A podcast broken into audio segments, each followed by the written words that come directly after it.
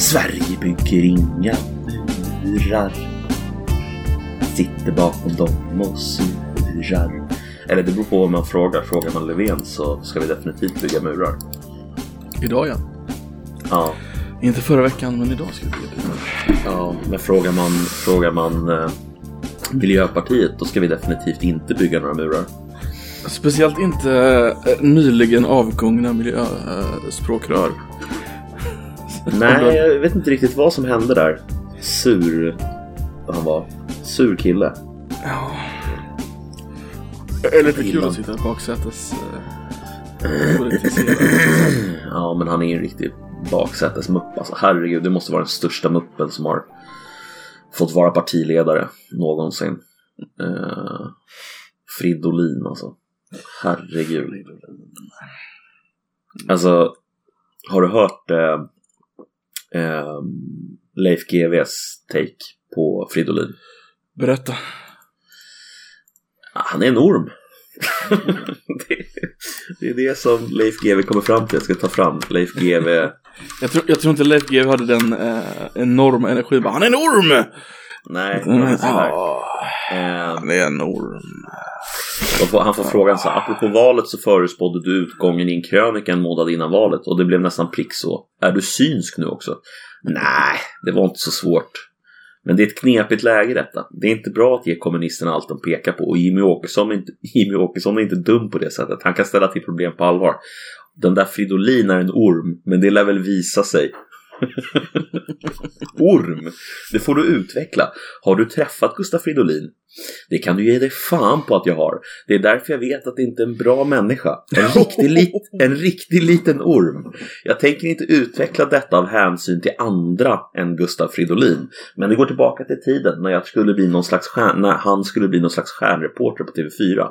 Jag har aldrig i mänsklig mening träffat en mer hänsynslös och dålig journalist.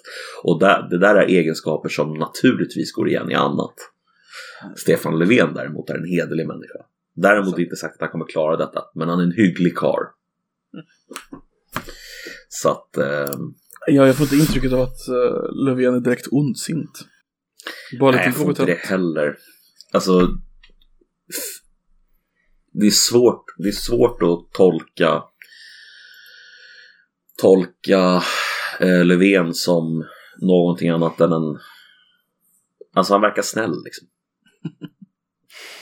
Eller Mm. hur? Han är, äh, han är väl som en hund liksom. Alltså att han, han kan nog bita till riktigt ordentligt, alltså med en gammal fackfilur liksom.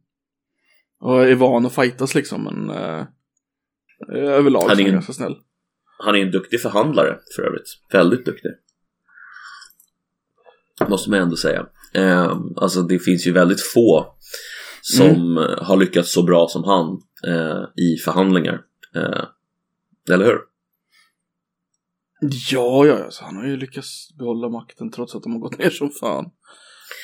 Ja, Alltså, alltså, alltså- det. Det här med att han lyckades förstöra alliansen är ju ganska imponerande ändå. Ja, herregud. Det måste man ge honom. Det är inget snack om den saken. Alltså det är, det är ju faktiskt sjukt imponerande. Är inte det nästan exakt en veck- ett år idag? Jo, det måste det vara va? Januariöverenskommelsen alltså, det måste väl vara ett år idag. Ja, göken. Göken. Lilla fröken Göken. Ifrån vad, fräken? Nej, hur, vad är det, hur går den? Från Tyken tror jag. Tyken? Vad är tyken? Jag gissar på att det är Tyken. Jag gissar på att Tyken en jävla småort där man kan vara, växa upp om man blir lågstadiefröken på 50-talet. Ja, makes sense, makes sense. Men. Tyken, det låter ju som ett, det låter ju antingen som att man är en ondsint liten grabb eller ett, ett område liksom. Mm. Ja, ty, en, en liten tyk. En liten, ty, en liten Tykenen, är det göteborgska? Ja, ja, är det det? Är du Tyken? Nej, det säger alla i Stockholm också. Nej, ja, nej, vi säger aldrig tyken. Inte? Att någon Nej, i alla Tyken? fall. Alltså, men, men vadå, är det någonting ni verkligen säger eller är det någonting som ni kan skulle ha sagt på typ 70-talet? Alltså, Nej, jag har sagt det i min barndom i alla fall. Någon typ som så här, lite... är du tyken liksom? Är du sur eller ledsen? Eller är det Nej, nej, nej, nej. Mer någon som är uppkäftig liksom. Mhm. Otrevlig. Någon som är tyken mot en annan. Okej. Nej, det, Vad fan håller du på med? det, Är du så jävla tyken för? Typ Nej, så. Ja, det skulle vi aldrig säga. Ja, jag tror göteborgska. Det, det, låter, det låter som någonting som vi borde anamma här uppe också. Det, det är ett trevligt ord. Tyken. Tänkte riksdagsdebatten mot tyken, det vore trevligt. ja men eller hur? Åkesson är tyken mot mig. Det var min Åsa? Romson. Ja, var det din Åsa Romson? Oj. Jag har ingen Ehm. aning om hur Åsa Romson låter om jag ska vara ärlig. Alltså hon låter inte, hon bara skriker. alltså, det är... Hon bara skriker. Ja, shit. Alltså det, det är lätt att göra narr av Miljöpartiet, det måste man säga. Alltså det, det är... De lämnar så att säga öppet mål väldigt ofta. det, det är ju ett parti utan karaktär och själ, så fan, då får de ta Mm. det. Ja, de får faktiskt ta det. Och med de Ehm. starka och vassa och vackra orden kanske vi ska hälsa våra tittare välkomna till ännu ett spännande avsnitt av aktualitets och populärkulturpodden Koffepodden med mig, Koffe och dig. Nedem, hej Nedem. Ja, hej, hej Koffe. Hur mår du denna vackra soliga dag? Jo då, ja, jag mår bra. Överlag. mår bra överlag. Ja, eller ja, bra och bra. Man, man mår som man mår, eller hur? Är det inte så? Försöker du insinuera att du är lite bakis? Nej, faktiskt inte. Ehm, Mm. inte bakis, men ehm, Frammis. frammis. Fra, fram, fr, rumpa runt om. Eller någonting, jag vet inte. Hur man än vänder sig så har man rumpan bak. Mm, så är det. Frammis borde ha att man mår dåligt för något som kommer att hända. Egentligen. Ja, eller hur? Alltså Mm. man, man är inte bakis liksom, utan man är frammis. Man Mm. har ångest för någonting som ska hända. Mm. Ja, jag håller med dig faktiskt. Det är, det, faktiskt. Var, Alltså, varför är- inte det är en grej? Mm. Du är lite frammis för din kommande operation liksom. Ja, exakt. Det är ganska logiskt. Ja. Ja, det är väldigt logiskt. Ska vi, Alltså, ska eller- vi eller- eller du lite Ja, frammis Alltså, är en vi grej. slår ett slag för frammis. Absolut. Det blir vår nya följetong. Mm. Ja, är, du lite, är du lite frammis inför, eh, inför eh, nästa val eller? lite frammis? Nej, jag är nästan lite exalterad för jag tror att Ja, jag med alltså. det kommer gå åt helvete. Ja, är det kommer lite- bli, det kommer bli kul att följa. Uh, Ja, jag är likadan. Det lär ju bli, jag tror inte, jag tror inte det blir en Löfven 3 alltså. Tror du det? Nej, nej, nej, nej, nej, nej, nej, nej, det kommer det inte bli. Det Då hade han ju suttit någon... liksom mm. längre än Palme alltså. Ja. Eh, det kommer inte bli någon, någon Löfven 3. Det kommer bli någon ohelig allians mellan eh, KD, M och SD. Det är du vad som kommer hända. Ja, jag är nästan övertygad om det. Eh, Då sen är frågan, frågan såklart får... vad L och C gör. Nej men de är ju med i vänsterblocket. Eller ja, Ja, galblocket kanske. som det heter nu. Ja, just det. Galblocket och tandblocket. Det, alltså det roliga med det där, det är det ju bara Sverige som använder galtandskalan i hela världen. Är ja, inget annat är land. så jävla Och löjligt. det är bara för att de är så jävla lata. För att liksom de måste ha en ny skala för att hålla sig till. Liksom. Men nu är det galtan. Mm. Gal, eh, vad heter det? Green alternative liberal. Green alternative liberal. Traditionell Mm. anus nationalist. Ja, traditionell anus-nationalist, ja precis. Vad står A för? det står väl för... Eh, ehm, fan står det för? Traditionell anti... Galtan. Vänta, här ska vi se. Ja. Eh, Ja, just det. en gång till bara.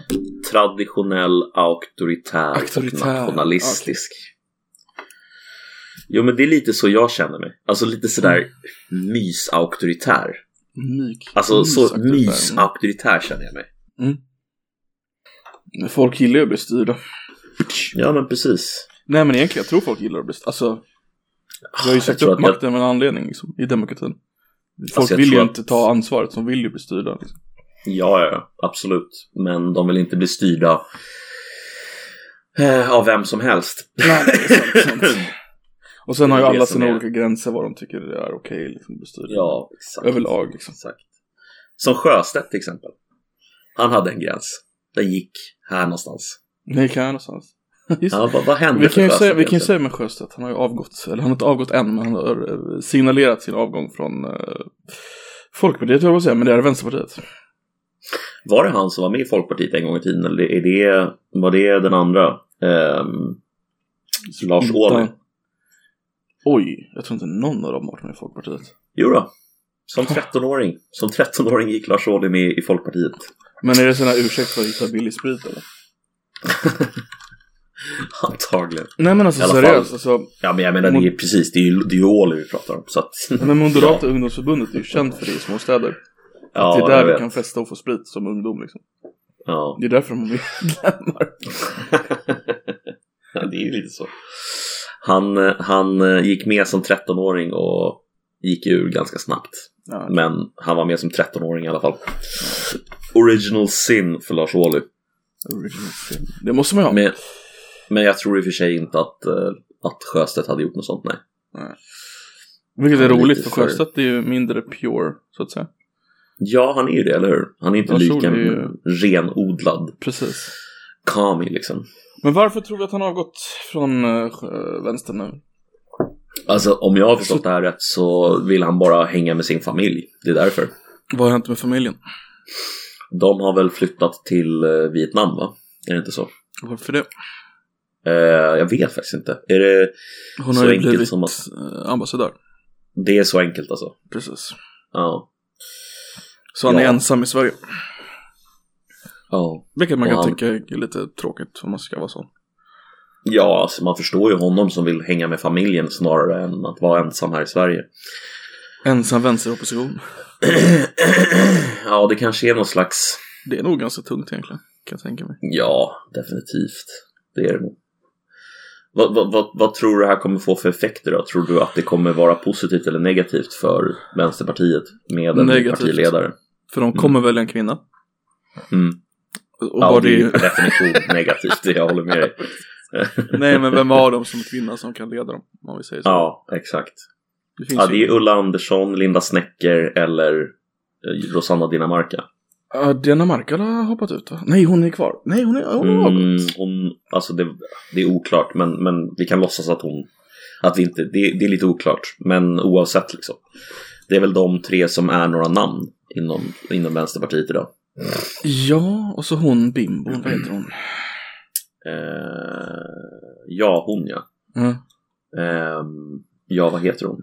Ehm, hon som skriver för ETC ibland. Precis, precis, precis hon som skrev ETC bimbon. Ah, ja, henne kan vi hoppas på. Eh, ja, jag hoppas också på henne. Rent visuellt alltså. Ja, precis. Vad är det hon heter? Ja, Jag försöker komma på det också. Eh, hon, är hon ens partiaktiv? Nej, Nej, men vi tar henne i alla fall. vi tar den i alla fall. Mm. Som... eh, Ja, det finns ett fult skämt där som vi inte ska ta. Men, men en fråga, är det, är det verkligen veckans största bomb egentligen? Uh, Att veckans... Sjöstedt avgår? det där är så jävla ful övergång. Veckans största bomb på riktigt var ju den i Stockholm. På Norrmalm. Ah, okej, okej, okej. Jag antog att det var var den in- du ville ha, vilket var en Ja, ja, oerhört absolut. ful övergång. Um, nej, det är veckans största bomb. Nej, den här riktiga bomben. Vilket är väldigt irriterande för det finns så jävla många bomber i Sverige nu. Uh, Ja, Däremot kan vi eh, se det som lite unikt den här i, i ett bostadsområde i Norrmalm. Och det är en riktig bomb, det är inte en granat den här gången. Mm, Så det är ju spännande. mm. Har man sagt någonting om, eh, om vad det var för typ av bomb? Alltså vet man om det var liksom någon själva hemmagjord... Eh, Eh, vad jag förstått har den ganska halvprofessionell. eh, i, I seriositeten med eh, TNT. det är på den nivån alltså? Ja. Okej. Ska Ja, varit någon alltså, skuldindrivning i det där bostadshuset om jag förstod det. Mm. Är Såg spännande. häromdagen också att det var någon som hade blivit skjuten i Kungens Kurva? Nej, berätta. Nej, men det var Det var det. vid en bensinmack så var det typ någon bil som hade stannat bredvid en annan bil eh, och bara började skjuta rakt in i bilen. En drive-by på riktigt. Ja, precis. En drive-by var väl säkert någon uppgörelse det med. Mm. Ja, det är nice alltså. Det är fan... Det är helt sjukt hur mycket som det har eskalerat på bara fyra fem år där. Mm. Nej, inte ens Det fem är- år, tre år. Det är eh, helt jävla sjukt faktiskt. Mm, precis. Eh. Alltså, skulle du säga till någon för bara fyra år sedan Ja men i Sverige är det så jävla vanligt med granatattacker att vi inte nämner det i media längre. De skulle ju tro att du var full alltså. "Eh, Vad säger du för något? Alltså vi har ju mest granatattacker per capita i hela Europa. Mm. Antagligen eh, i hela Kanske inte hela världen, jag vet inte. Sydafrika kanske det är värre. Nej, det finns säkert ställen som är värre men, men, men, Men, det är just, liksom... just att det är så, jag menar just för att det är så inriktat på granatattacker liksom. Mm, precis. Det är, alltså jag, jag...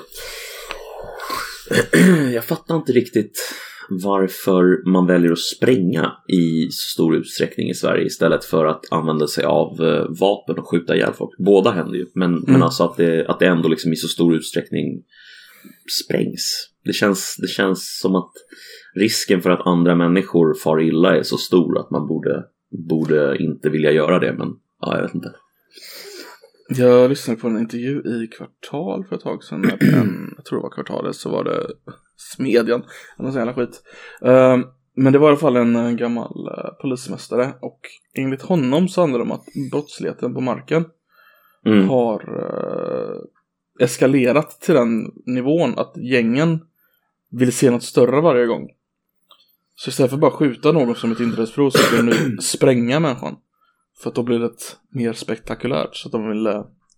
De eskalerar våldet bara som inträdesprov liksom. Alltså. Är det någon slags one-upmanship typ? Precis. Och de själva har då blivit vana med den här tidigare nivån. Så att de har själva behöver se något större för att bli imponerade. Ja, ja. Det är en teori lika bra som någon annan kan jag känna. Alltså det, det, det, det är oförklarligt för mig det här. Alltså jag... Så jävla absurt bara på så jävla många sätt. Vad fan håller folk på med? Alltså idioter. Eh, Ja. Ska vi återigen ta avstånd från våldet? Ja, alltså har du, har du några schyssta såna här armband som vi kan Ja, just det. Just det som mångla ut? mångla ut. Ja, ja Som- men fan.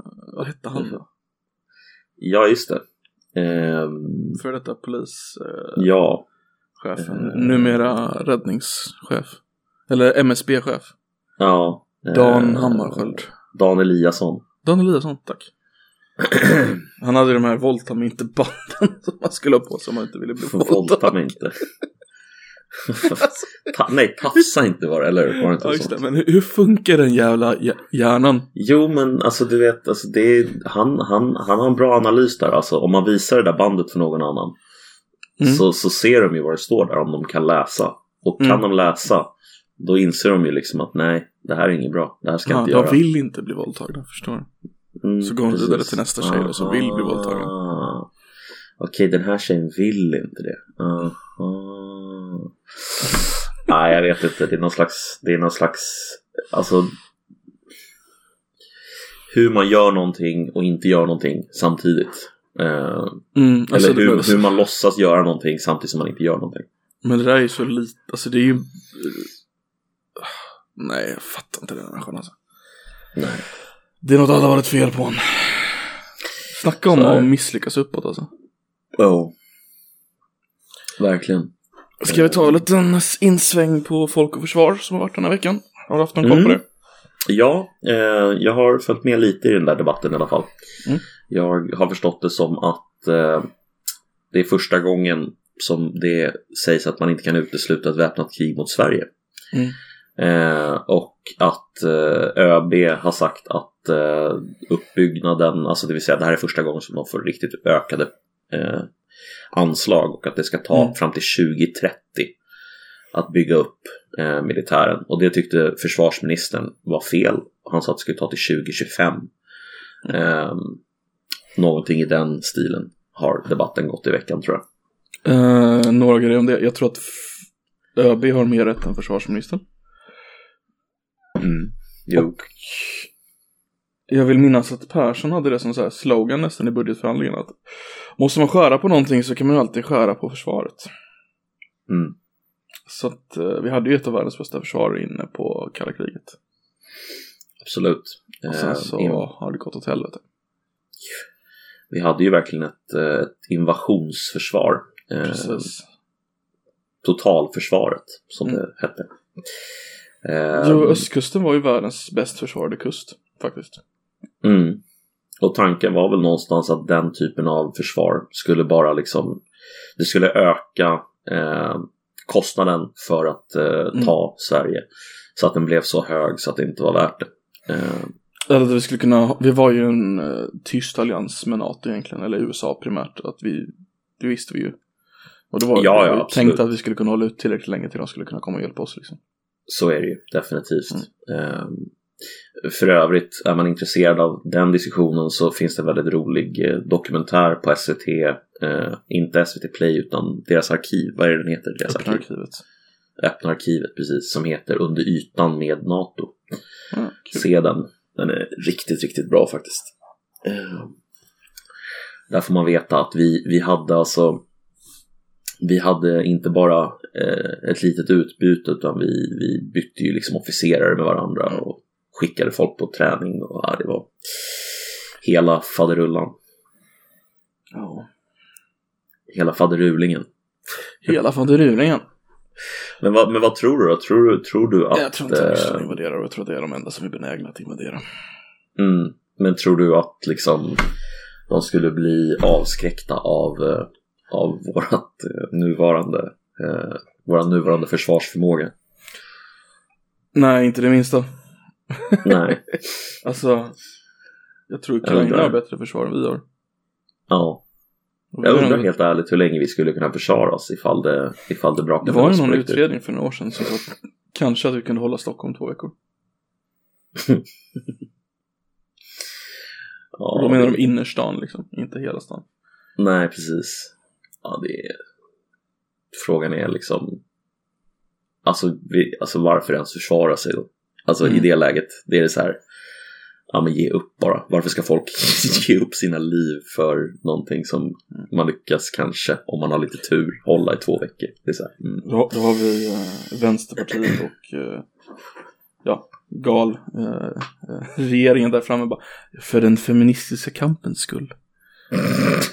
Det lär ju inte motivera så många kanske, men det kanske är något sånt de kommer skriva. Ja, antagligen. Nej men seriöst, hur skulle på- en, en, eh, en sån här regering som vi har idag motivera om det skulle bli ett krig och säg mot Finland Mm. eller något som det skulle vara länge liksom. Hur skulle Mm. de motivera oss att slåss? För svenska staten? Alltså nationalismen är ju helt nedbruten så vi har ju inte den här stolta svenska, alltså den som brukar motivera folk att slåss. Vad Nej. skulle de använda för att få oss att slåss? Alltså det är en bra jävla fråga alltså. Ehm, de skulle inte ha någonting egentligen. Alltså det finns ju inget sånt där riktigt. Alltså. Jag tror att de, det enda som skulle motivera folk det skulle vara såna här självklara saker som, som alltid motiverar folk i krig. Men, Mm. men, men alltså staten som sådan om den skulle försöka sig på att motivera folk och liksom driva propa- propaganda skulle vara väldigt, väldigt, väldigt svårt alltså. Det, vad ska de säga liksom? Har du, någon, Ja. har, har du något förslag? Alltså mot Finland så skulle vi inte kunna ha något sånt där egentligen. Nej men mot ryssen då. Mot- alltså så här Ryssland då. klassisk. Tänk på bögarna! Ja Tänk vad som händer med alla hbtq-personer när ryssen tar över Sverige. Ja, De alltså, kommer inte vara fria längre. Nej, jag vet inte fan alltså. Om man skulle... Alltså i, i södra Ryssland där i Tjetjenien. Ja, Där har de ju, sägs det i alla fall, bögläger liksom. ja. Och sånt skulle ju spelas upp liksom. Du har säkert en vän, en bror, en far som är bög. Du vill inte låta din vän, far, dö. Men de skulle, alltså det är ju typ det de skulle göra liksom. Ja, alltså de skulle ju behöva någonting som skulle liksom mobilisera massorna och det där Alltså Södermalm skulle ju resa sig som en enda person och bara ut! Ut i krig! I Ryssland har de ingen mänskonst. Liv Strömquist får inte betalt för sin konst i Ryssland. Hon hade inte kunnat göra sin fantastiska tunnelbanekonst. Nej, den är så jävla bra hennes tunnelbanekonst alltså. Shit. På tal Ja, om alltså. eh, Wow. tunnelbanekonst. Mm. Eh, vi ska ju få en typ tunnelbana i Göteborg nu. Det kanske du har hört talas om det här västländska paketet. Nej, faktiskt Typ inte. Det är helt... Nej, men det, det ska gå ett tåg under jorden i typ fyra stationer. Alltså jag är stockholmare, jag förstår mig inte på andra städer. Jag trodde du visste det vid det här läget. Eller vid det här laget. Ja, ja, men det har varit mycket babbel om det även i nationell tv. Ja, okej, Eh, I alla fall, fyra stationer tror jag det ska bli. Uh, där det Mm. går helt under jorden in i centrum då. Eh, Okej. På en av stationerna, en av de största knutpunkterna i stan, Mm. där de utlyser ett jobb för en människa som ska gå runt på och det här jobbet har tillsatts på 20 års basis. Mm. Och den här personen ska alltså bara gå runt och leva sin dag där åtta timmar om dagen på hållplatsen. Det är jobbet liksom. Men, men vänta, vänta, vänta, vänta, vänta, vänta. Varför ska, varför ska personen... Vad, vad är arbetsuppgifterna? Eh, nej, inga. Det är konstprojekt. Men alltså, sånt här...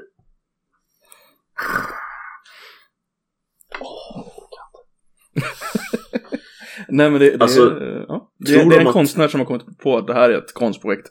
Att en och samma människa ska gå runt där i ungefär 20 år liksom. Det dummaste jag har hört. Mm. Alltså potentiellt det absolut dummaste jag har hört. Fast det är väldigt lätt sätt för den här personen att skaffa sig en väldigt stabil inkomst. Så att den personen är ju smart. Men Nej, de ska, de ska ha en, eh, alltså det ska ligga ut på typ plastbank, platsbanken och sådär sen. Jag tror inte det är personen själv som får det. Alltså,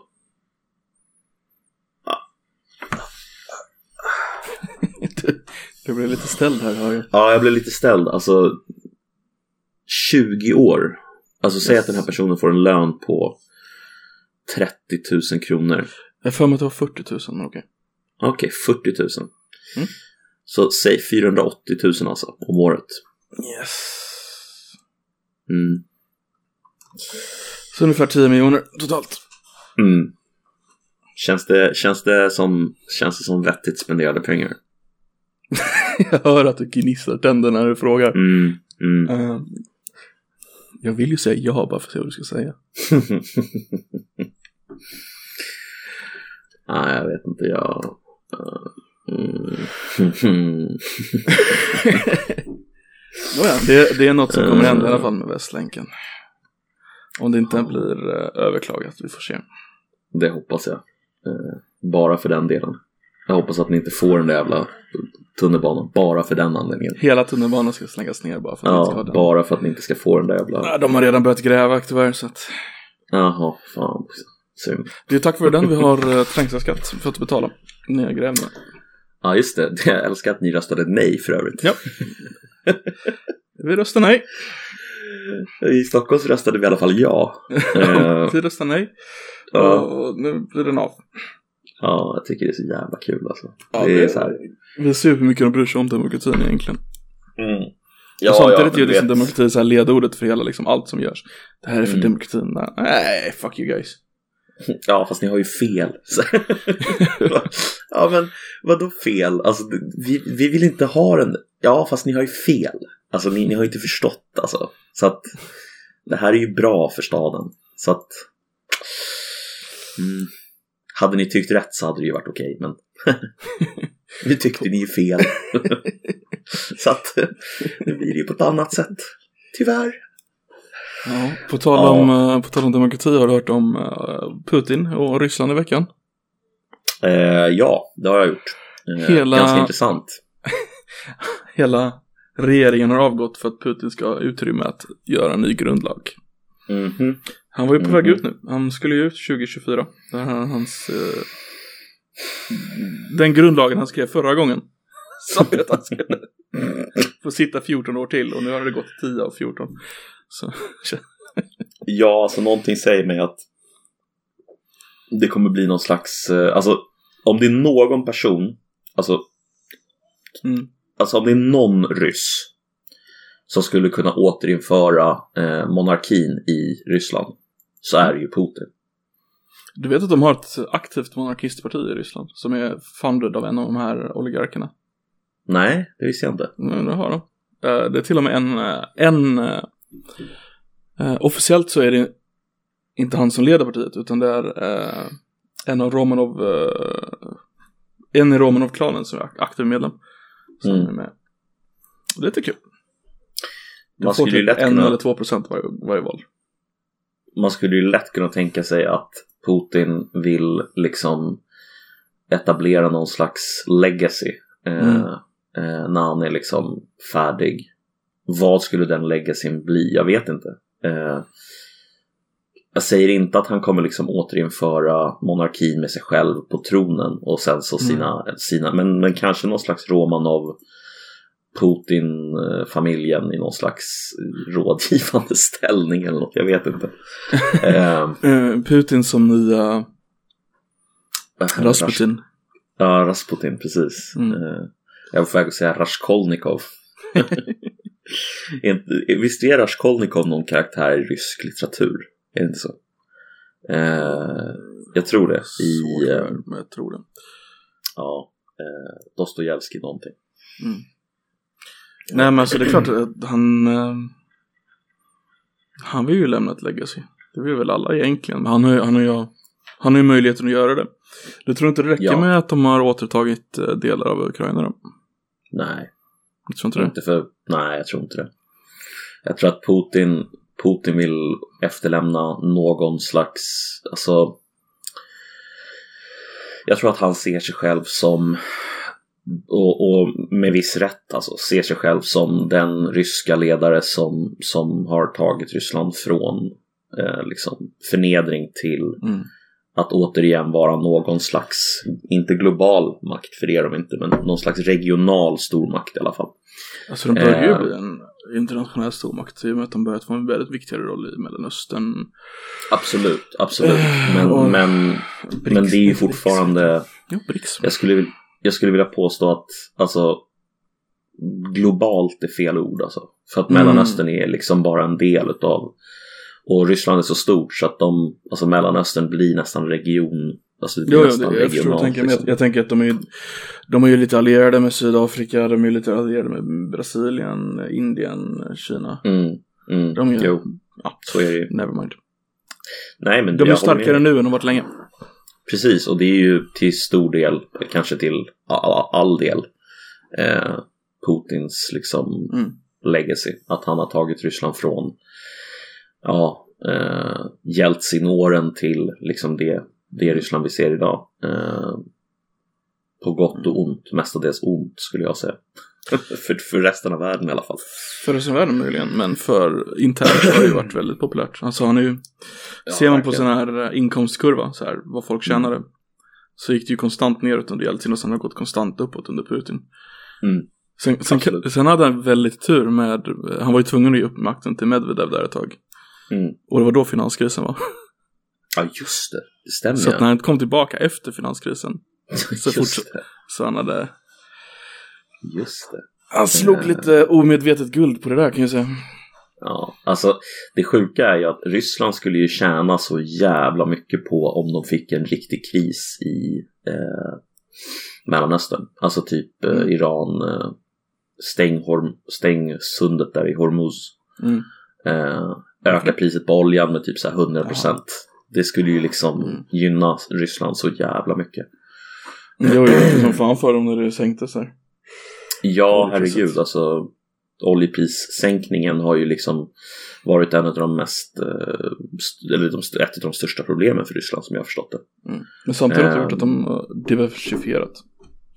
Mm. Så Jo, det brinner väl men det är väl, det, det stinker väl eller svider väl men det är väl positivt för dem ändå. Ja, långsiktigt så är det väl det. Eh, att de diversifierar Mm. kommer ju också göra att maktkoncentrationen kring vissa av de här företagen förhoppningsvis blir lite mindre. Eh, de får lite mindre inflytande, men ja, det, man ska inte ropa hej. Det, det kommer nog inte bli några enorma förändringar direkt. Nej, Eh, precis. Olja kommer fortsätta spela en stor roll i världsekonomin under en lång tid framöver. Vare sig folk vill det eller inte tror jag. Det är liksom inget... Ja, så herregud. Alltså all plast är olja. Alltså, det är ju så Ja, stor del av allting vi ju- gör. Det, är ju, det går ju inte att komma undan olja. Nej, alltså, alltså, jag förstår inte liksom folk som har fått för sig att man ska kunna liksom typ göra sig av med oljan inom några år och gå över till andra energislag. Alltså det är så här. Mm, Alltså kanske som energikälla. Nej. Eh, alltså om man verkligen kämpar för det. Men alltså det har ju så mycket mer som oljan gör. ja men alltså den är så otroligt lukrativ. Alltså det är Mm. ju det är som att liksom ta upp pengar ur marken. Det är, Ja, ja, men det, det är bokstavligen vad det är liksom. ja, det det det är. Och då är det så här, ja men, ja fast sluta med det. Folk Ja, bara, alltså, nej, det, alltså nej, det, i tänker min fantasi, om du ska få det att funka så får du ju liksom göra skatter på det som fan liksom.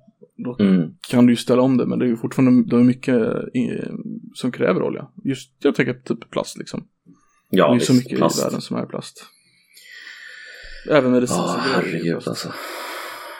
Det är fan sjukt när man tänker på det. Alltså hur mycket oljan är en del av, av liksom världsekonomin. Alltså, ja, Ja, ja, herregud. Alltså all frakt olja. herregud. Apropå det. Um, Kristersson hotar med nyval i Sverige. Ja, just det. Vad- vad samma säger dag vi om som uh, Sjöstedt och Pava. Mm. Eh, ja, det har ju gått, eh, vad fan är det? Ett, ett och ett halvt år sedan valet. Ett Mm. år sedan de fick en regering.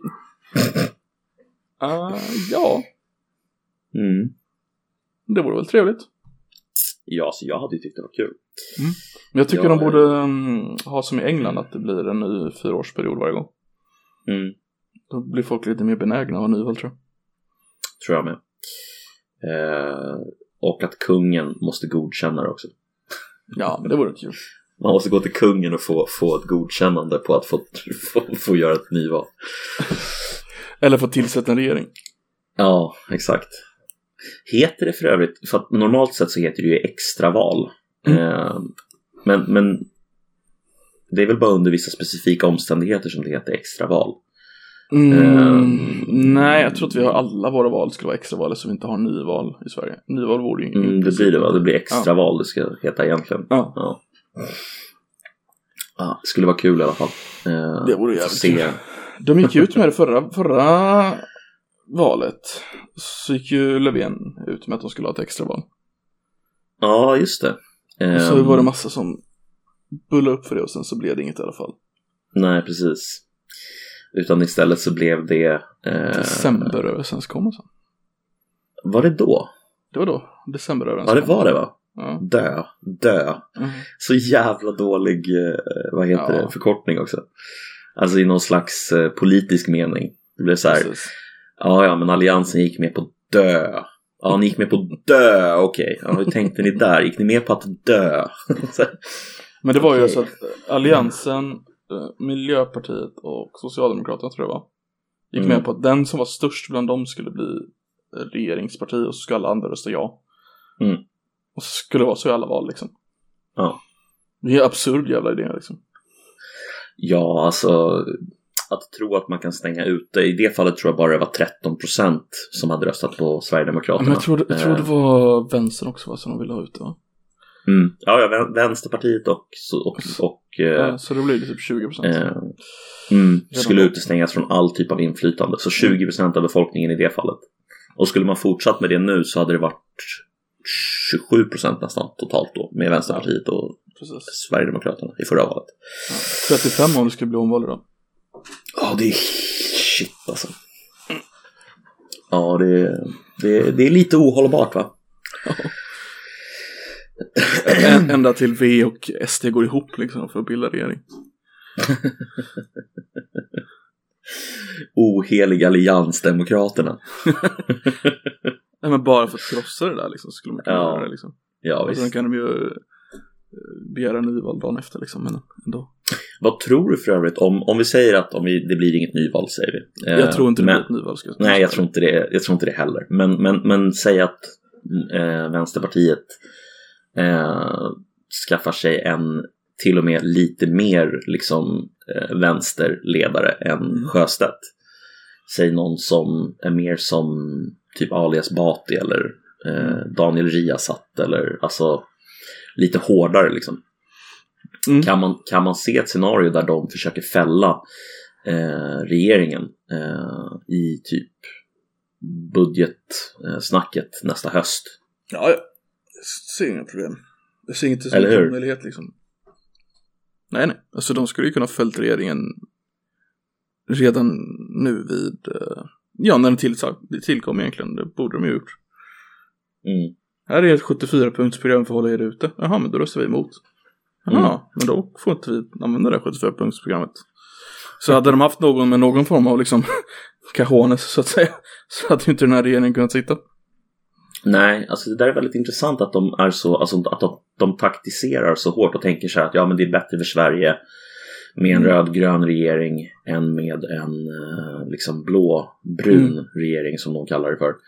Eh, fast att de inte ser till sina egna siffror liksom och säger att ja Mm. men vi, vi vill öka och därför så tar vi det här beslutet. Ja, det är konstigt. Ja men alltså. Ingen av de här, alltså massa av de här grejerna i 74-programmet fick ju inte regeringen Reinfeldt igenom. Jag tror inte Nej. en, eh, en eh, SD, MKD-regering hade fått igenom det heller så här med nedläggningen av arbetsförmedlingen och allt det här liksom. Mm. Det är sådana grejer de bara sitter och drömmer om. Och nu Ja. tillåter ju vänstern det. Mm. Bara för att de inte vill att det ska bli värre, men jag tror inte det kan bli så mycket värre i deras världsbild egentligen. Nej, alltså man vill ju? Alltså, till måste, och med... de, de, måste, de måste ha fantiserat upp någonting de är rädda för. Jag kan inte specificera det. Alltså, det kan ju inte vara att de tror att det skulle bli liksom Auschwitz dag ett liksom. Nej, jag tror inte det. Alltså, jag, jag fattar inte heller liksom... Alltså, sä, säg att Centerpartiet får igenom sin idé. Alltså, de har ju redan lyckats plocka bort värnskatten väl? Det är Mm. väl redan genomfört. Men sen är det ju det här med... Det var ju i och för sig Folkpartiet, eller Liberalerna. Men precis, det här med LAS och det här med eh, bostadsmarknaden. Att man vill Mm, precis. införa så att det ska gå att... Eh, eh, ja, hyresreglering och hela den grejen. Eh, Marknadshyror på nybyggen vill jag minnas. Precis. Jag menar det kommer ju bli, alltså det, det måste ju vara höjden av liksom eh, neoliberalism i Mm. Eh, Vänsterpartiets ögon. Så att, Ja, alltså, att de alltså, det ska de acceptera verkligen- det känns ju, det, kommer ju inte hända. Det är ju något de slåss emot skitlänge liksom. Det är, där måste de ju hålla. De måste ju hålla spjut för att ha, ha, ha någon relevans överhuvudtaget liksom. Ja, jag förstår inte, alltså skulle det vara så att de bara släppte igenom det så skulle de ju, Mm. alltså de skulle ju tappa allt förtroende hos sina väljare. Ja, alltså. Enda chansen att de släpper igenom det, det är ju för att de bara rent tänker på lite, ja men då får vi mer procent för folk blir missnöjda och hemlösa. Ja, det kanske det får. Ja, det, ja, Men- det fan alltså. Det där, det där, till, alltså så cyniska tror jag inte att de är. Alltså. Vet du fan alltså. Ja, det är i och för sig sant. Alltså alla, alla partier har väl lite lätt tagit över av st- eh, politiska strateger och så vidare. Jo, så är det ju såklart. Så det finns, Men- det finns en risk för det. Ja. Nej, det, det, det, blir, det blir intressanta eh, år här framöver. Politiskt i alla fall. Turbulent tror jag. Jag tror att vi är i lugnet före stormen just nu. Eh. Lugnet före stormen som inkluderar dagliga granatattacker. Ja, men ungefär så. Får vi Jag se tror att det kommer bara bli... Jag tror att stormen som komma skall är något värre faktiskt. Alltså typ så här. Dagliga politikermord. Alltså, du har ju lyssnat på, du har ju lyssnat på Marcus Allard och eh, Ja, ja. vad heter han den andra? Malcolm Kuhne. Ja, precis. Deras analys av eh, eh, vad som kommer hända där eh, vi kommer få se folk börja försvinna.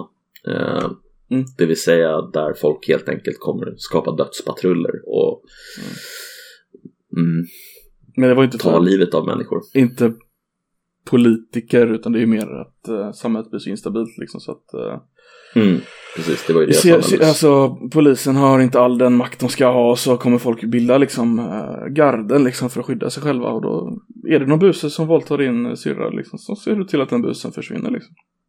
Men det kanske är så enkelt som att vi är på väg, för vi pratade om det i förra avsnittet, eller om det var förra, förra avsnittet, att vi är på väg igen mot det, liksom det glada 20-talet. Eh, men att det glada 20-talet kulminerar i någon slags eh, eh, 30-tals eh, folk som liksom slåss. ultradepression. Ja, nej, jag vet inte. Får hoppas att det inte blir så. Yes.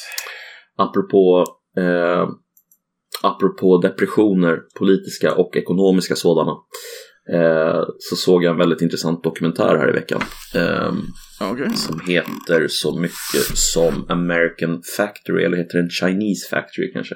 American Factory. Eh, American Factory. Eh, du har sett den här dokumentären också? Jag har sett den också. Det är ju en del i Obamas, Obama-parets Netflix eh, arrangement. Att de producerar lite filmer för Netflix. Och det här är Mm. den första av dem. Eh, det handlar om en, eh, en fabrik i Ohio tror jag det är.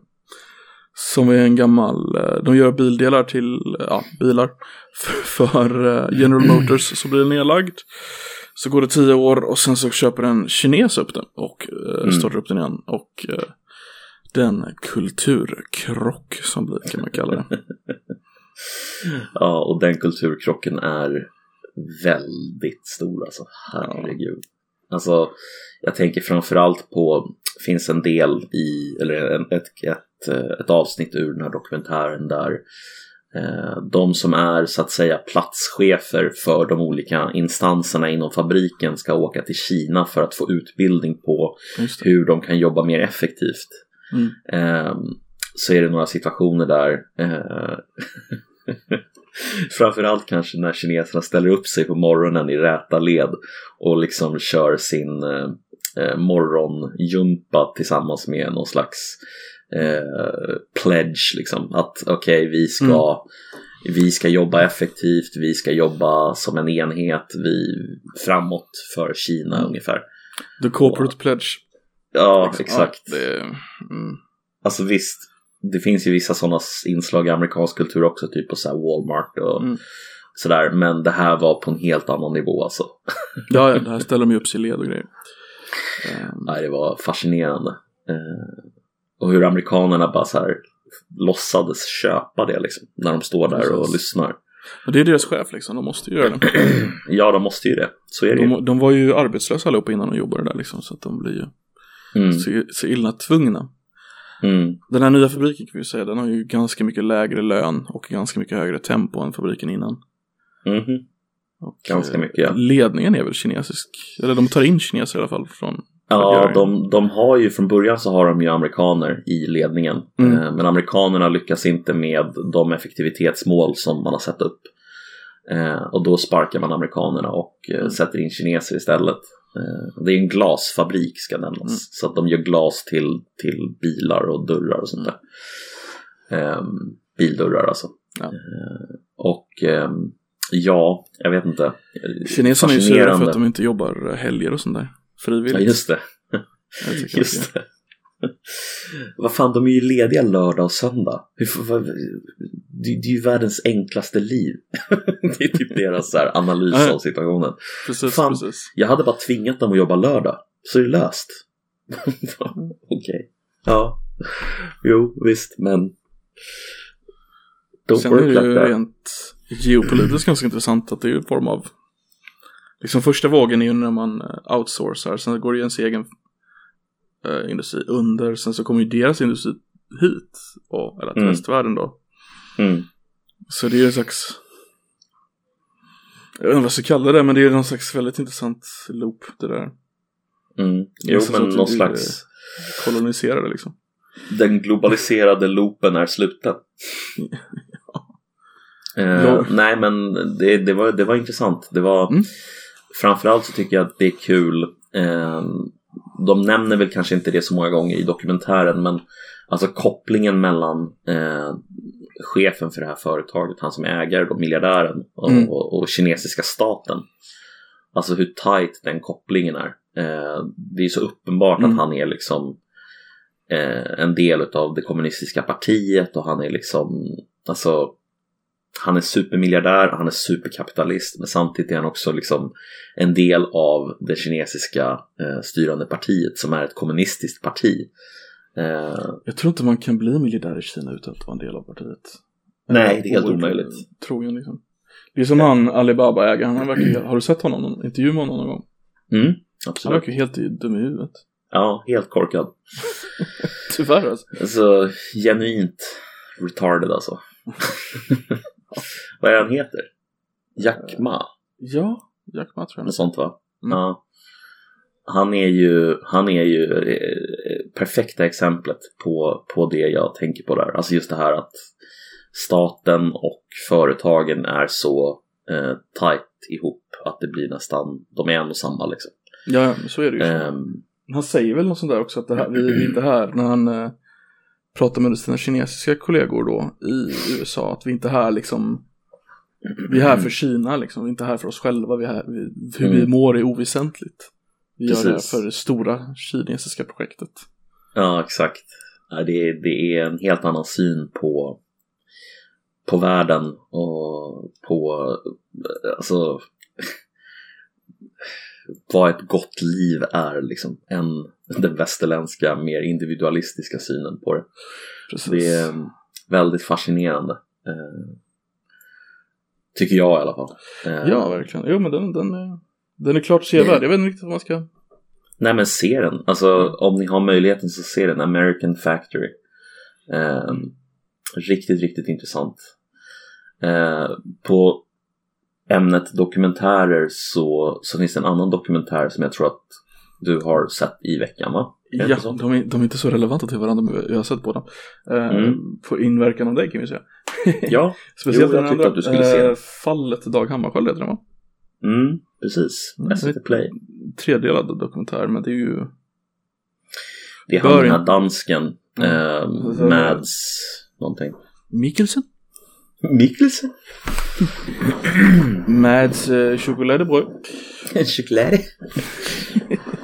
Nej Alla men... eh, heter chokoladebröd.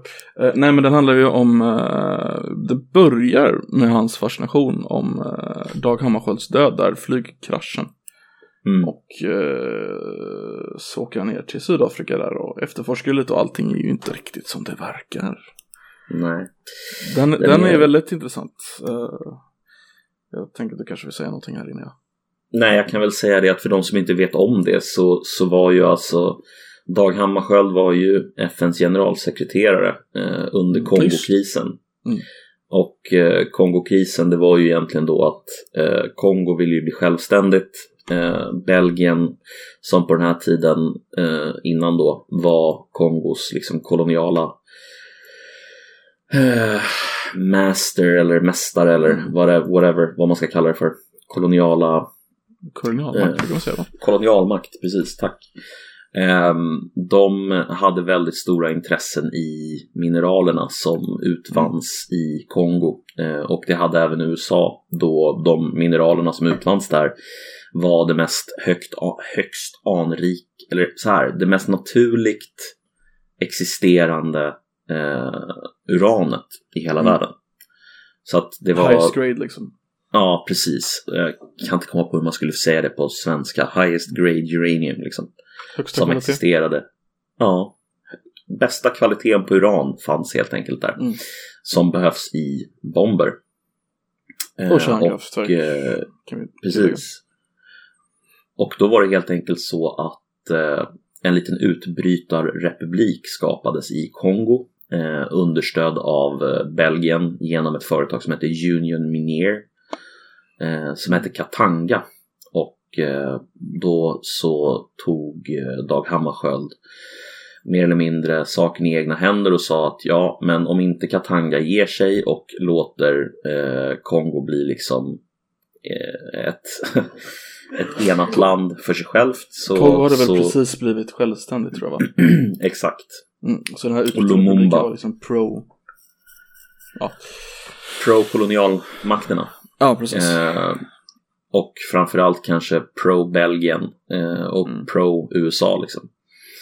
Eh, och då får man ju se det i kalla kriget-kontexten att liksom Lumumba eh, fick visst stöd av Sovjet och eh, att eh, den här Union Minier, de eh, i Katanga där, de utvann de här mineralerna till fördel då för USA och Storbritannien och även för Belgien. Då. Mm. Så att eh, det blev krig med FNs militär. FN skickade Mm. dit, Det är ju lite intressant att påpeka. Det var svensk. Hälften svensk, hälften irländsk tror jag. De ja det stämmer, stämmer. Mm. Det, var, det var ju väldigt många svenskar som, som åkte dit och krigade. Eh, helt enkelt på FNs eh, generalsekreterares inrådan mer eller mindre. Eh, för FNs räkning då. Ja, vi, vi skulle sätta boktitlar frivilligt, det var ju svenska staten som skickade dem. Ja, ja, absolut. Mm. Men, men eh, det är väldigt intressant att eh, han gick upp och sa liksom att nej, FN ska garantera deras rättigheter, eh, deras eh, möjlighet till självständighet Mm. och så vidare. Och eh, sen dog han. Officiellt så kraschade hans plan. Officiellt så kraschade hans flygplan. Eh, det är den officiella förklaringen. Eh, som sagt, eh, vad, är din, vad är din syn på det här efter att ha kollat på dokumentären? Efter att kolla på dokumentären, det, det kommer vi in på ganska mycket. Alltså ska vi börja prata om Mm, igen. Samir? Det- För det är dit man kommer. Simar. Simar. Simar.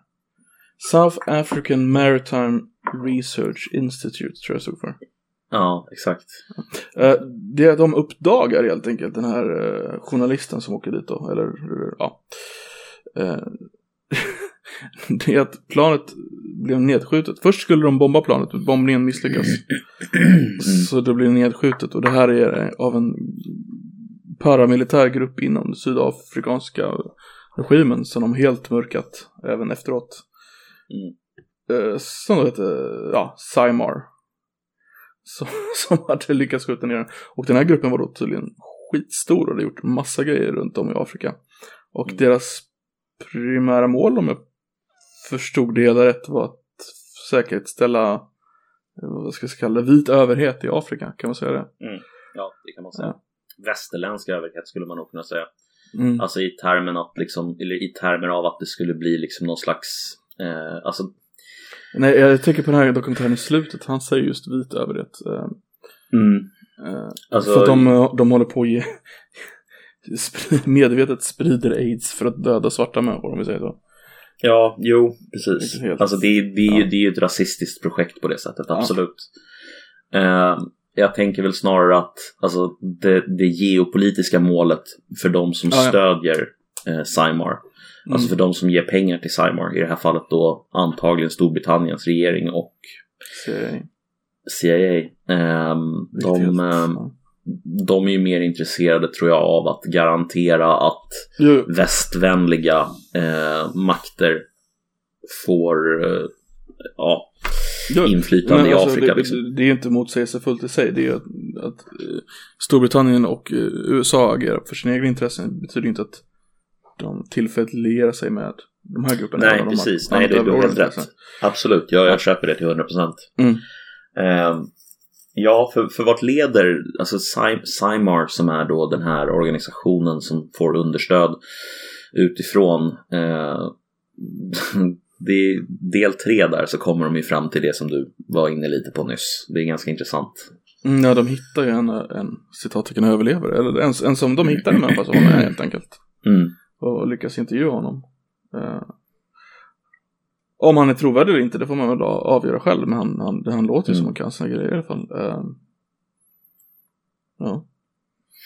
Var det något speciellt Ja. du tänkte på den intervjun? eller? Ja, jag tänker väl framförallt på det här vaccinationsprogrammet som de drog igång. Eh, Ja, ja, för att eh, de, de startade ett vaccinationsprogram runt om i, i Afrika med gratis vacciner för att så sprider de in aids-viruset i det. Mm. Och på den tiden måste vi ju tänka att det fanns inga bromsmediciner och så här, utan det var en dödsstraff rent av att få aids. Mm. Och det gjorde de ju då för att få, planerade att få ett helt vitt Sydafrika 20, år 2000 va? Mm, jag tror det. Det var tanken. Ehm, Så om ni, om ni någonsin tvivlade på att Sydafrikas regering var lite rasistisk innan eh, så har ni nu svaret. De var det. Nej, men alltså herregud. Alltså det, det är väldigt intressant tycker jag. Mm. Även, om, även om jag inte tar allt i den här dokumentären som någon slags gospel. För det ska man definitivt Nej, inte göra. nej. Det kan mycket väl vara så att saker är påhittade och det kan mycket väl vara så att eh, folk säger saker som inte stämmer och så vidare. och Så vidare. Så tycker jag ändå liksom att det finns en...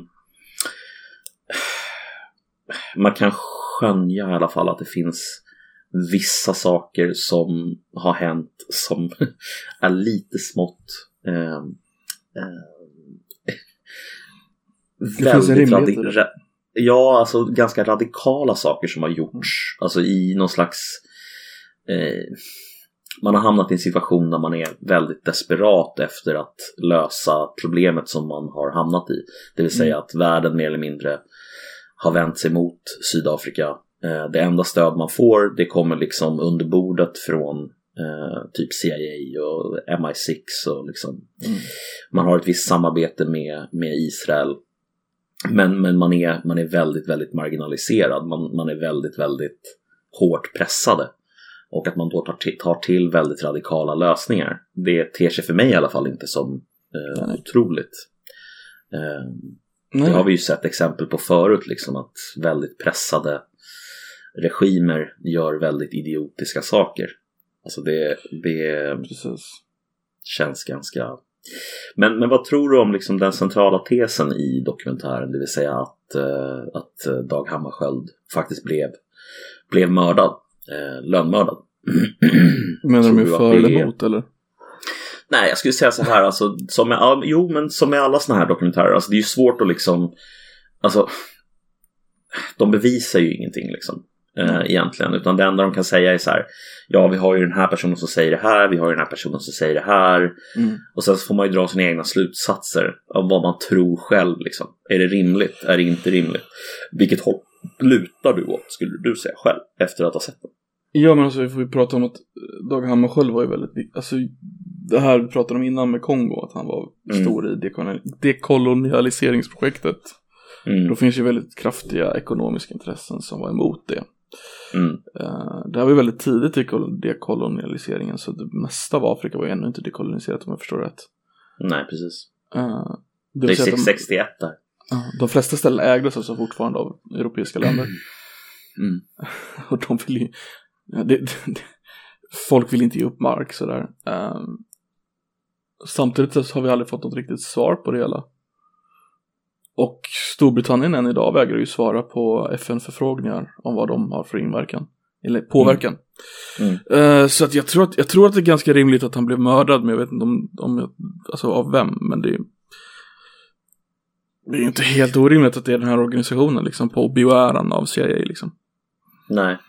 Eller MI6, eller att kanske båda begärde det och så tog de chansen att få en dubbel payout. Ja, alltså jag, jag, jag lutar väl också åt att det är an- sannolikt att det, att det fanns väldigt starka ekonomiska intressen Mm. som, eh, och politiska intressen som inte tyckte att hans projekt var speciellt bra för dem. Eh, och att man därför ville ta livet av honom. Eh, Mm. men, men huruvida det var så som de beskriver i dokumentären, det är ju svårt att säga. Liksom. Mm. Det, jag vet inte. Jag tycker det är ganska Eh. intressant hur de Det som ger kredibilitet i, i dokumentären det är att de säger att de försökte bomba planet. Mm. Alltså sätta en bomb på planet men det misslyckades. Mm. Så att de sedan de får skicka attackflyg på, på planet. Mm. På något Precis. sätt tycker jag det är kredibilitet att erkänna eh, misslyckandet. så Ja, de var tvungna att göra Alltså, nödlösningar liksom. Och eftersom de är en paramilitär gren så kanske de hade tillgång till sådana här Alltså jaktplan. Mm. Ja, de säger ju det att den här Fuga, vad fan det nu heter, flygplanet som de använder sig av, Mm. påstår sig ha använt sig av. Det flygplanet har man ju, som jag har förstått det, bevis på att det fanns sådana flygplan i Kongo vid den här Mm. tidpunkten. Alltså det vet man. Eh, sen huruvida det planet faktiskt användes för att skjuta ner eh, Dag Hammarskjölds eh, flygplan eller inte, det, det kan man väl diskutera. Men jag har ju läst en ganska intressant bok som är mycket mer seriös än den här dokumentären. Av en Mm. kvinna, en historiker vid, eh, tror att det är, eh, ah, det är en universitet i Storbritannien. Hon har ju åkt, eh, hon har ju åkt runt i Kongo och intervjuat människor, alltså som var på marken på plats. Eh, och framförallt då afrikaner som kongoleser, alltså som eh, eh, jobbade med, eh, eh, ja, de jobbade för Union Minier helt enkelt. Eh, Mm. Och de människorna har ju sett eh, det som hände live. Liksom. De är ju första liksom, personerna som ser det här hända. Och de har ju sett två flygplan. Alltså det vill säga det nedskjutna flygplanet och det attackerande flygplanet. Men ingen av de här personerna är med i undersökningen, alltså den första faktiska. För det, du får ju tänka på att det var i Rhodesia som det här hände i. Just det. Eh, det var ju inte i Kongo. Var det Rhodesia? Eftersom, mm, det var i Rhodesia. Eh, Men flög till Och- Kongo? nej, från Kongo till Rhodesia. Jaha, ja. Eh, mötet skulle ske i Rhodesia. okej. Eh, och när med Moi- Moise Tshombe då liksom. Mm. Och eh, Dag Hammarskjöld skulle träffas eh, i eh, Ja, de skulle träffas helt enkelt i Rhodesia och planet kraschar ju i Rhodesia men, men det flyger ju över Katanga. Eh, och Mm. det är precis när det ska gå in för landning så är det ju massa afrikaner som ser, ser det här hända men som sen inte är en del av själva eh, eh, undersökningen som Rhodesia gör. Och då får man komma ihåg vad Rhodesia var för någonting. Alltså Rhodesia var ju typ som Sydafrika. Alltså en liksom eh, minoritet av människor var vita men det var också de som styrde landet. Eh, och det var liksom en kolonialmakt. Det är det som sen blir Zimbabwe. Mm. Eh, så att alltså de här afrikanerna som var vittnen, de är inte en del av den undersökningen som görs av Rhodesia. Som sen ligger till grund för den undersökning som FN själva gjorde. Så att det är så här, mm, det, det, alltså Mm, om, om det pågick en hel del fulspel så, så, så ser det ut som att det finns exempel på eh, att det fulspelet har pågått. Liksom. Eh, och det kan man se då genom att de här första vittnena är inte en del utav, eh, utav det här. Och de har ju då inte pratat med varandra som jag förstått det. Eh, men har ändå samma berättelse ungefär om vad som hände. Och Vad är det de vissa- säger då? Nej men de säger att de säger att eh, det kom ett flygplan eh, och att det flygplanet eh, hade ett annat flygplan bakom sig som, eh, som sköt eller släppte någon typ av bomb på deras eller på flygplanet Mm. liksom. Eh, och att eh, när det hade hänt så började planet brinna och sen så flög det vidare liksom. Mm. Eh, och det som är intressant är att det är till och med personer som hon intervjuar, alltså den här historikern då, som aldrig har blivit intervjuade om vad de såg. Alltså Herregud. någonsin. Så att alltså det, det, det är ju Mm. uppenbart, skulle jag vilja säga, att, och, att man liksom inte ville ha all, man samlade inte in all information som fanns. Det, Men var det för att de inte ville ha den här typ information eller var det för att de var rasistiska och de, de litade inte på svarta liksom? Det var nog, det var nog eh, så att man inte, inte litade på svarta människor överhuvudtaget.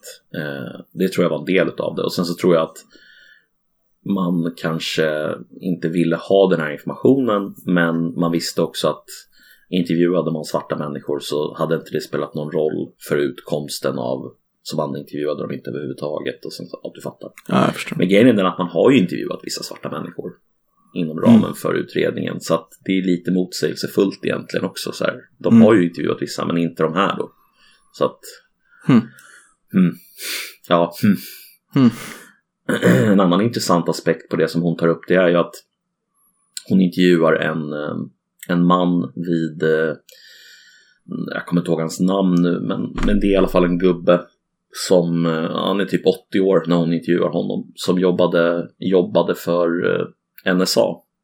Mm. NSA har ju såna här listening posts lite överallt i världen som de använder för att ja, egentligen bara liksom hålla koll på alla flygplan och liksom all radiotrafik som pågår.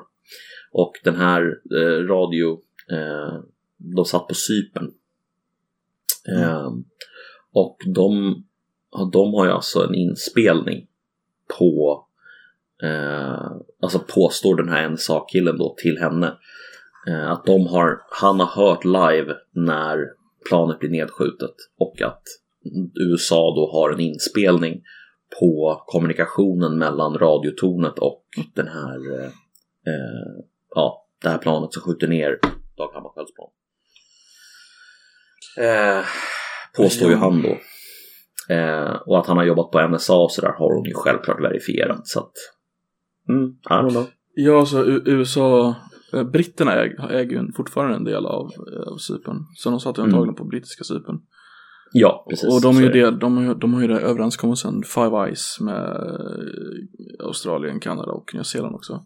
Mm, de, har, de har väl i princip totalt eh, informationsutbyte om det där. Jag förstår. Ja, de har alltså Tittar man på, tittar man på en sån här på en, på en karta där, man, där de slår ut alla de här stationerna och militära baserna och sådär så är det ju nästan de täcker ju nästan hela planeten med sitt eh, informationsinsamlande.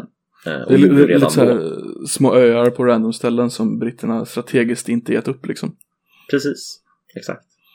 Och där de har utbyten med amerikanska militären så att de Mm. med sina enorma resurser kan helt enkelt jobba på de öarna för att eh, insamla information. Så att, ja, det, jag vet inte. Jag Ja, att men ska någon ha intressant. den, den där inspelningen så är det ju USA. Och Mm. på den tiden kanske Sovjet också. Men hade, Möjligt, möjligt. om Sovjet hade haft en inspelning på det, hade det tjänat dem att släppa den? Eh, jag vet faktiskt inte. Eh, man kan väl tänka sig att givet hur, hur det där brukar fungera, alltså det vill säga att det är Mm. titt for tat hela tiden. Eh, så kan man ju tänka sig att hade de, släppt, hade de haft en sån inspelning och sen släppt den för att misskreditera sig Storbritannien eller USA eller Mm. vem det nu var. Ja. Så hade ju sannolikt USA eller Storbritannien eh, råkat släppa någonting som diskrediterar eh, Sovjet. Alltså, Jo, precis. Men frågan är, ja, vi kan ju inte veta vad Sovjet har gjort här i och för sig. Men eh, det är svårt att tänka något i internationella relationer som är, är värre än att döda FNs generalsekreterare. Speciellt Mm. för ett Ja, jag västerländskt med. land. I och med att det är som västerländsk organisation egentligen. Ja, jag håller med. försöker inte. Eh, jag kan tänka mig att eh, Sovjet har försökt att eh, liksom under den perioden, KGB då framförallt. För de, alltså KGB har ju, och det har ju CIA och de andra också, men svart propaganda eh, håller man ju mycket på med. Eh, Innebär? svart propaganda det är egentligen när man använder sig av eh, eh, falsk information för att sprida berättelser om, eh, om händelser. Eh, och i, i, alltså, det är ju inte så svart eller vitt som att allting är falskt och allting är sant eller allting är, alltså det är en blandning liksom. Eh, vissa saker kan vara sanna, vissa saker kanske bara är halvsanningar och ja, du fattar. Så att eh, till exempel, det finns ju den här berättelsen om att eh, jag vet inte om du känner till den, men det är väl kanske mest perfekta exemplet på KGB, sovjetiska KGBs liksom, påverkansoperationer i Afrika. Sure. Det är ju den här att, eh, att hiv skulle ha utvecklats av den amerikanska militären. Det är ju en klassisk sån Mm. sovjetisk KGB svart propaganda. Och Det är ju inte sant. Hur vet du det? Men ja, alltså det vet man. Eh, men, men, men däremot så är det ju så här att eh,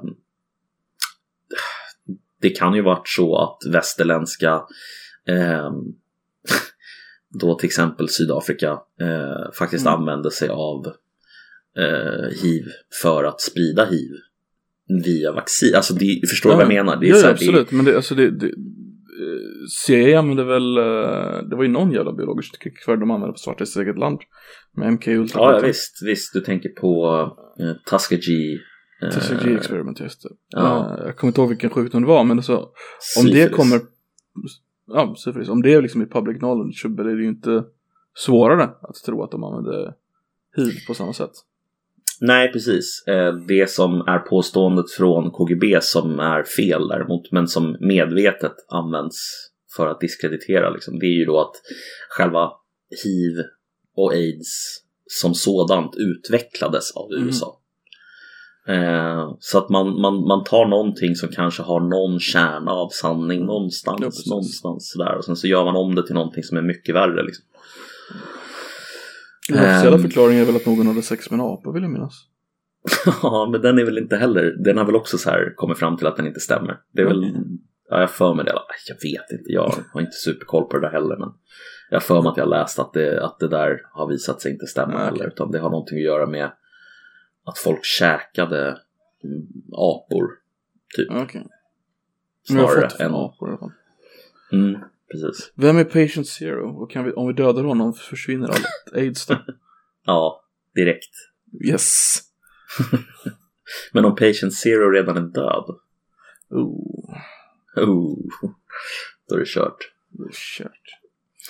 Nej, men eh, hur som helst. Eh, det finns, den här dokumentären finns på Mm. SVT Play. Man kanske inte ska ta allt som sägs i dokumentären som gospel, verkligen inte. Men eh, den är intressant och ger lite andra infallsvinklar på, Mm. eh, på mordet på, eller är- mordet, men hans död. Den är fängslande. Den håller kvar Mm. En. Mm. En grej jag aldrig riktigt förstod dock, och det här är, kommer upp i början av dokumentären så oroa dig inte för spoilers, men han anlitar en svart kvinna att skriva, eh, skriva åt honom. Två. Två, ja just det. Men varför? Jag förstod inte grejen Ja det. du, ja du. Eh, han förklarar ju, han försöker ju förklara det i dokumentären med att han, han lyckas ju aldrig lösa mordet liksom. Mm.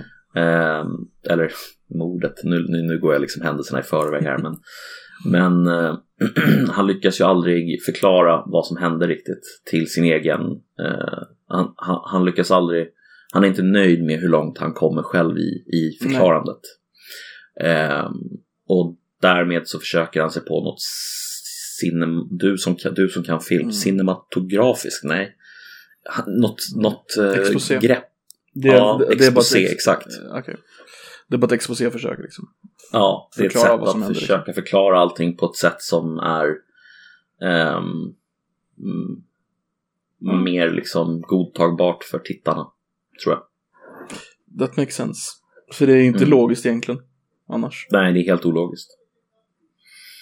Det är helt ologiskt. Mm. Ehm, men ehm, ja, jag tycker väl en av de mest intressanta detaljerna är ju den här personen som de intervjuar som erkänner att det är hans signatur på papperna. Som vägrar acceptera att det är hans papper. Ja, men Mm. han, han har inte skrivit under själv. Nej, det är hans signatur.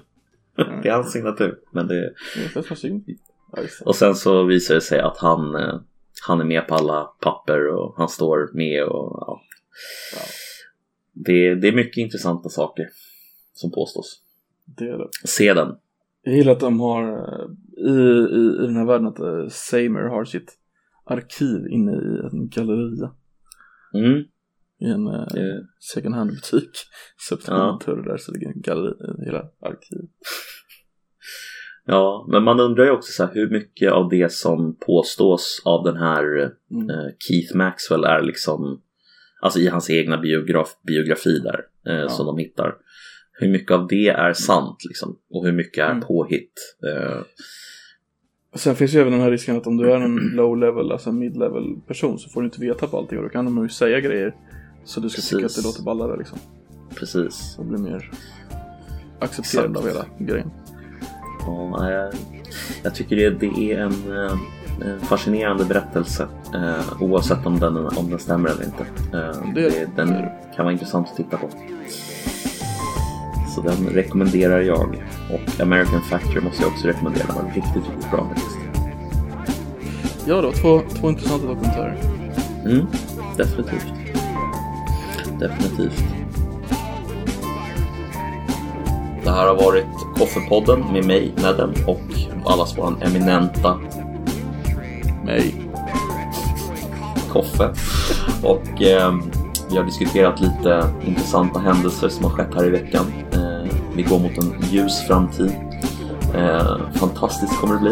Eh, men hur som helst, vi tackar för oss. Eh, jag tackar gött. för mig. Ha det gött. Hej. Tack och hej. hej. Det kommer bli atomljus.